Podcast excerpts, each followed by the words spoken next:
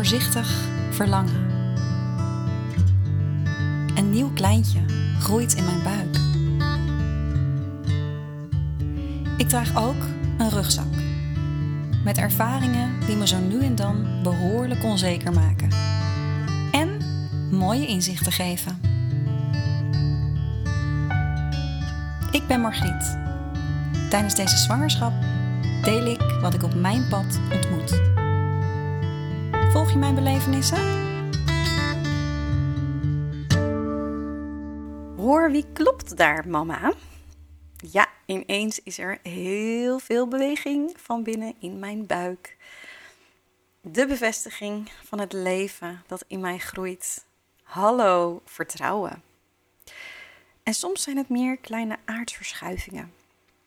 Dan lig ik op, de, op mijn zij in bed en dan gaat het behoorlijk heen en weer. En dan denk ik, oei, is dat wel goed? Uh, blokkeer ik misschien niet iets als ik zo lig? Hallo onzekerheid. Welkom bij een nieuwe aflevering. En vandaag neem ik je mee in mijn mooiste belevenissen en inzichten van week 26, 27 en 28 van mijn zwangerschap. Wat fijn dat je luistert. Ja, het is misschien nogal een introductie die ik net doe, maar het tekent wel mijn proces. Wat uh, ja, toch blijft gaan over in hoeverre durf ik los te laten, durf ik te vertrouwen op het hele proces van de zwangerschap. Um, en uh, van de gezondheid van, van mij, van mijn kindje. Het geboorteproces, wat er stiekem al een beetje ja, aan de horizon begint uh, te verschijnen. En dan die momenten dat die onzekerheid ineens weer voor mijn neus staat. Dat blijft de balans, merk ik. En uh, ja, zo ook nu deze weken. Terwijl ik net een soort van aan het afstemmen was voor deze podcast, dacht ik van, ga ik het er nou weer over hebben? ga ik het nou weer hebben over het feit dat ik op zoek ben naar vertrouwen en uh, dat die angstige momenten er zijn? Misschien hebben ze dat wel een keertje gehoord, Margriet, zei een, uh, een stemmetje in mijn hoofd. En ja, wellicht heb je dat al een keertje gehoord. En toch voelt het alsof het een proces is wat in laagjes um, ja, ontrafeld wordt. Um, en ja, dat ik daar toch weer een, stapje verder in ben, of dieper in ga in die zoektocht. Dus uh, besloten om het ook gewoon te delen, hoe het is. Dat perfecte, perfectionistische stemmetje, of dat kritische stemmetje in mijn hoofd, die heb ik net gevraagd om eventjes naar buiten te gaan. En daar uh, te wachten tot ik klaar ben met deze podcast. En uh, nou ja, we gaan het zien of ze nog uh, naar binnen komt. De vorige podcast die heb ik opgenomen tijdens onze vakantie op Tenerife. Nu zijn we inmiddels alweer een paar weekjes thuis. En uh, ja, vliegen de weken weer. En ik groei maar en ik groei maar. En die kleine, die, ja, die is lekker actief. Er zijn ook momenten dat hij ineens heel stil en rustig is. En nou ja, dat is dan dus zo'n moment dat ik denk... hallo, ga je nog even schoppen? Ga je nog eventjes omdraaien? het, het, is wel interessant hoe dat bij mij werkt. Op het moment dat er heel veel beweging is, ga ik bijna twijfelen of dat wel goed is. Omdat ik het met Senna nooit zo, zo veel gevoeld heb. Of zo lang achter elkaar. Als er te weinig of even geen beweging is, dan heb ik al vrij snel zo dat, dus dat ik eigenlijk een soort van vraag stel van... Nou, laat je maar weer even voelen. En... Um, dus eigenlijk is het nooit goed. Um, nee, het is zeker wel op momenten ook wel goed. Want ik moet wel zeggen, als ik een beetje uitzoom, ja, dat ik me goed voel en dat het, uh, het vertrouwen um, richting de komst van dit, dit kindje, van ons zoontje, dat dat echt uh, groeit. En dat is ook zo mooi van een zwangerschap ook. Als ik dat zo zeg, dan denk ik, dat is ook echt een cadeau. Hè? Dat je sowieso groeit aan het, of wendt aan het idee, of uh, meegroeit met het idee dat je weer moeder gaat worden. Um, maar in mijn geval nu ook met, ja, met, met de rugzak van het verlies van Grace, is het extra fijn om uh, wel die tijd te hebben om het vertrouwen ook weer op te bouwen en of te hervinden eigenlijk. Want ik denk niet dat het weg is geweest, alleen dat het naar de achtergrond is gegaan. En ik, ja, er is ook wel een deel van mij dat echt wel geniet van uh, de magie van dat proces en weer dat vertrouwen gaan voelen op vakantie um, had ik uh, een mooi artikel gelezen in een tijdschrift. En het ging over tekenen vragen. Dat je tekenen mag vragen. Hè, eh, van, uh, ja, zal ik het hoe zal ik het eens noemen? Tekenen van dingen die we niet kunnen zien. Maar goed, ik heb een teken gevraagd aan Grace. Um, want in plaats van dat je um, ja, wacht totdat je een teken krijgt, kan je er dus ook om vragen, heb ik geleerd. En ik heb gevraagd om te verschijnen in getal nummer 9. Het grappige wat er dan gebeurt is dat je dan meteen op zoek gaat naar allemaal negens. En dan werkt het dus eigenlijk niet. Totdat je er ineens achter komt dat je al de hele vakantie op de negende verdieping slaapt. en dat Senna steeds op het knopje van de negende verdieping mag drukken. Dus Grace was uh, veel dichterbij. Uh, of het teken van Grace was veel dichterbij dan dat ik wist. En nou, Grace is het kindje dat ik heb verloren. mocht je dat niet, hebben, niet eerder mee hebben gekregen in het eerste trimester van, van die zwangerschap. En ik heb haar Grace genoemd. En dus ik had om die negen gevraagd. En vervolgens heb ik het ook echt wel losgelaten. We kwamen thuis en er was een moment dat ik even een dagje soort van niks in mijn agenda had. En Frank zei, goh, ga lekker op uit, een mooie herfstdag. En uh, dus ik heb de auto gepakt en ik ben richting Egmond gegaan. Een van mijn favoriete plekjes hier op aarde. Er was een moment dat ik moest afslaan. En overal stonden negens. Het was nog 9 kilometer naar Egmond. Een ander plaatsje was nog 9 kilometer. Uh, de nummerborden om me heen hadden allemaal een 9. Er stond een bord langs de kant van de weg met het nummer 9. Echt, ik denk wel dat het iets van 6 of 7 negens waren in één ogenblik. En dat raakte me. Het raakte me zo diep. Uh, ik herkende het eigenlijk ook meteen als een teken. En het voelde bijna overweldigend als een soort van teken. Van, hoeveel, hoeveel negens wil je, wil je zien, wil je ontvangen? Maar ik moest natuurlijk ook gewoon nog de bocht omgaan en, en autorijden. Dus ik heb mezelf een beetje herpakt. Heb het wel even gevoeld van oké, volgens mij mag ik even contact maken met, met Grace, met dat kindje dat ik ben verloren. Uh, ben lekker in de natuur gaan zitten daar. En even het binnen laten komen. Dat uh, ondanks dat ik nu zwanger ben en in verwachting ben van dit kindje is dat andere kindje er ook nog op een bepaalde manier. En, en, en het gemis daarvan. Dus dat heb ik eventjes uh, ja, binnen laten komen. En mezelf toegestaan om dat te voelen. En ik merkte wel dat dat een hobbeltje was. Want ik dacht, kijk nou naar je dikke buik en wees nou blij. En je, je voelt zoveel. En met andere woorden, je mag nu niet meer verdrietig zijn. Je mag nu als je kijkt naar hoe de kaarten nu geschud zijn, mag je niet meer verdrietig zijn om het verlies. Nou, die gedachte heb ik snel geparkeerd, want um, dat was er gewoon. Ik kan wel zeggen dat het er niet mag zijn, maar het was er.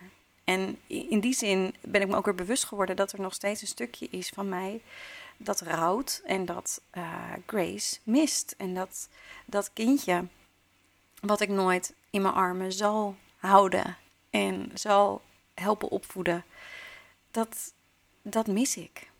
En toch voel ik ook wel een soort van verbinding met haar. Um, en ben ik ook heel dankbaar dat er, ja, dat er ook een kindje aan die kant is, maar zo te zeggen, die verbonden is met mij en me nu ook. Um, het raakt me weer. Die me nu denk ik ook heel erg door dit proces helpt.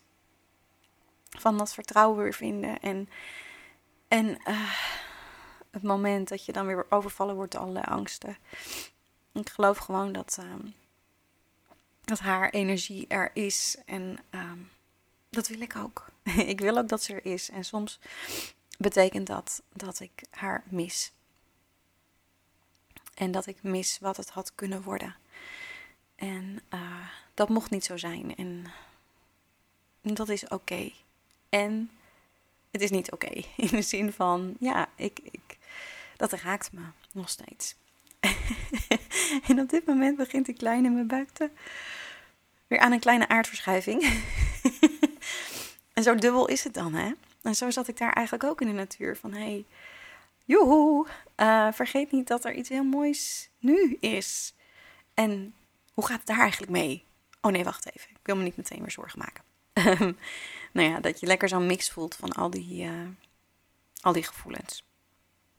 In ieder geval heb ik daar um, tussen de wilde koeien in Egmond gezeten en heb ik even mijn ja, verhaal, een beetje mijn ervaring omtrent, het, omtrent die zwangerschap en het verlies daarvan en het proces daarmee omgaan, uh, soort van op een rijtje gezet met de intentie om een aflevering te maken waarin ik dat ga delen. Een aflevering die, uh, ja, waarvan, waarvan je zelf moet afstemmen van hè, is, dat, is dat fijn voor mij om te luisteren of niet. Um, en in eerste instantie maak ik hem ook vooral gewoon voor mezelf en voor mijn eigen proces. Uh, maar het is wel iets dat ik met, uh, met jou ook wil delen. En alleen jij kan besluiten of je dat ook wilt ontvangen. Zelf kijk ik er wel op terug, um, op die hele ervaring, als iets heel magisch. Iets dat me heel veel heeft gegeven. En dat, uh, dat gaat ook veel terugkomen in die aflevering. Dus dat was eigenlijk even een soort van onverwachte ja, move, zeg maar, in mijn proces. Dat ineens Grace ineens heel erg naar de voorgrond kwam. Nou ja, dat heb ik toegestaan. En uh, nou ja, dat is een eigen proces. misschien kunnen er ook tegelijkertijd verschillende processen zich afspelen. Natuurlijk kan dat. En de vraag is, sta ik mezelf dat toe? Nou een manier waarop ik ook bezig ben met ja, op zoek gaan naar dat vertrouwen, dat verder ont, ontwikkelen of het verder uh, ja, afpellen, is dat ik af en toe um, een pendel gebruik. dus het is een kristal aan een, um, aan een ketting waarin je vragen kunt stellen. En ik geloof dat, dat ik dan eigenlijk vooral in gesprek ben met mijn eigen onderbewustzijn. En dat die meer weet, groter is dan mijn bewustzijn. dat wat ik bewust allemaal ervaar. En ik vroeg dus ook bijvoorbeeld aan die pendel van... Nou, hoe zit het met de gezondheid van mijn kindje? En je moet je altijd gesloten vragen stellen aan de pendel, moet je heel, heel simpel houden. Dus uh, de pendel zei, misschien. Toen dacht ik, hé verdorie, waarom krijg ik nog niet gewoon een ja te horen? Waarom mag ik niet op dit moment in de zwangerschap volledig dat vertrouwen uh, ontvangen? En uh, toen heb ik een nieuwe vraag gesteld. En de nieuwe vraag was, uh, krijg ik nu dit antwoord omdat het mijn proces is? En toen was het ja. Voor mij betekent dat dat ik nu nog niet alles hoef te weten van wat er zich straks gaat afspelen. En um, ergens is het ook wel gek als, je, als ik nu een antwoord had gekregen wat me heel veel vertrouwen had gegeven. Terwijl het mijn, ja, mijn pad is naar, naar het moederschap van dit kindje. Om, om dat vertrouwen te, ja, verder te hervinden. Want zo ervaar ik het eigenlijk wel sinds het verliezen van Grace. Dat, dat het voor mij gaat over kan ik vertrouwen op het leven? Kan ik volledig vertrouwen op het leven, ongeacht de uitkomst? En dat gaat verder dan deze zwangerschap en dat gaat verder dan de, deze podcast. Maar dat is wel de basisvraag die ik mezelf ja, heb gesteld, ook naar aanleiding van het verlies van Grace. En die me ook weer nu in deze zwangerschap weer ja, allerlei inzichten geeft. Want dat is mijn stip op de horizon dat ik het leven volledig kan vertrouwen in, in wat, het, wat het me geeft. En voor mijn gevoel heb ik met Grace ervaren van hè, dat het als het leven je een verlies geeft. Um, zo ervaar ik, ervaar, heb ik het dan ook deels ervaren. Kan ik dat dan accepteren dat dat het beste was voor mij? Nu, met deze zwangerschap, kan ik accepteren dat het, het stukje geluk, het stukje um, van er komt echt weer een kindje aan. Kan ik dat omarmen? Kan ik dat vertrouwen? Dus het voelt eigenlijk alsof het een soort van medaille is, vertrouwen. Um, met aan de ene kant het verlies. Kan ik vertrouwen dat ieder verlies of alle moeilijke dingen die ik heb in mijn leven, op mijn pad, dat dat er voor mij is. En aan de andere kant van de medaille kan ik het omarmen. Alles wat ik krijg, alles wat ik ontvang.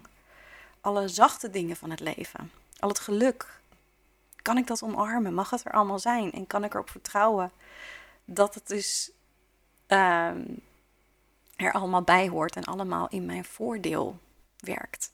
Ik weet niet of je de uitspraak wel eens hebt gehoord. Uh, life is not happening to you. Life is happening for you. Misschien heb ik hem al eens genoemd ergens in deze reeks. Maar dat is een zin die me um, is bijgebleven. Een van de eerste zinnen die op mijn pad kwam toen ik wat meer ging nadenken over, goh, waar geloof ik eigenlijk allemaal in? En, en, en uh, Dit is een van de zinnen die, me, die mij meteen heel erg raakte. Wat nou als het leven er voor mij is? En het leven is dus alles en iedereen. De moeilijke mensen die op je pad komen, de moeilijke situaties, eh, de verdrietige dingen, de spannende dingen. Alles, alles is er voor mij. Mijn eigen nare eigenschappen, alles is er voor mij. Betekent niet dat het allemaal rooskleurig en kumbaya uh, is. Maar als je in de basis gelooft dat dat er allemaal voor je is, ja, ik voel dan eigenlijk meteen een bepaalde ontspanning al. En ik ben daar nog niet helemaal. Ik ben dat aan het uitpakken. Mede dankzij uh, ja, alles wat me dit jaar is overkomen. Mooie dingen, moeilijke dingen. Maar ja, goed, dat is dus wel uh, nou ja, wat, wat, ik eigenlijk, waar ik ook al over begon. Van, hè, ik ben steeds dieper aan het kijken in dat verhaal van vertrouwen.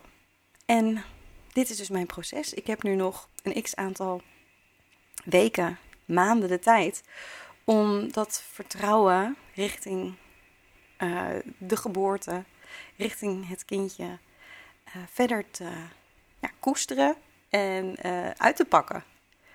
En dat voelt eigenlijk wel als iets heel gaafs en moois. Dus in plaats van dat ik helemaal verdrietig werd van het antwoord van de pendel, heb ik het gezien als een soort van uitdaging. En gaf het me eigenlijk juist een soort een stukje van vertrouwen. Van, oh, dit is er ook weer voor mij.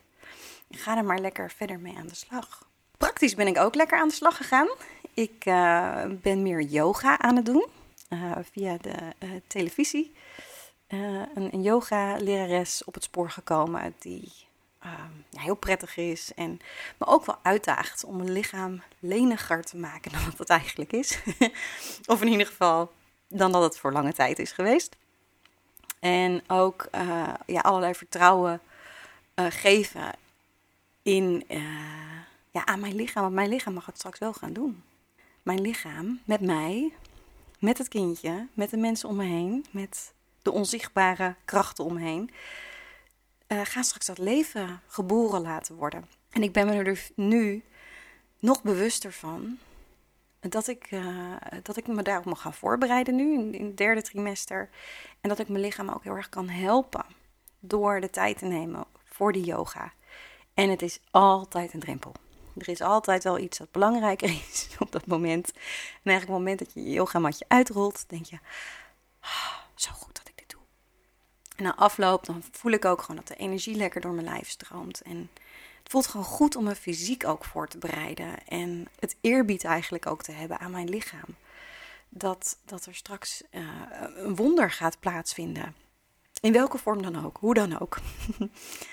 ja, en dat ik daar me nu al een beetje op ga voorbereiden, voelt dus eigenlijk wel goed.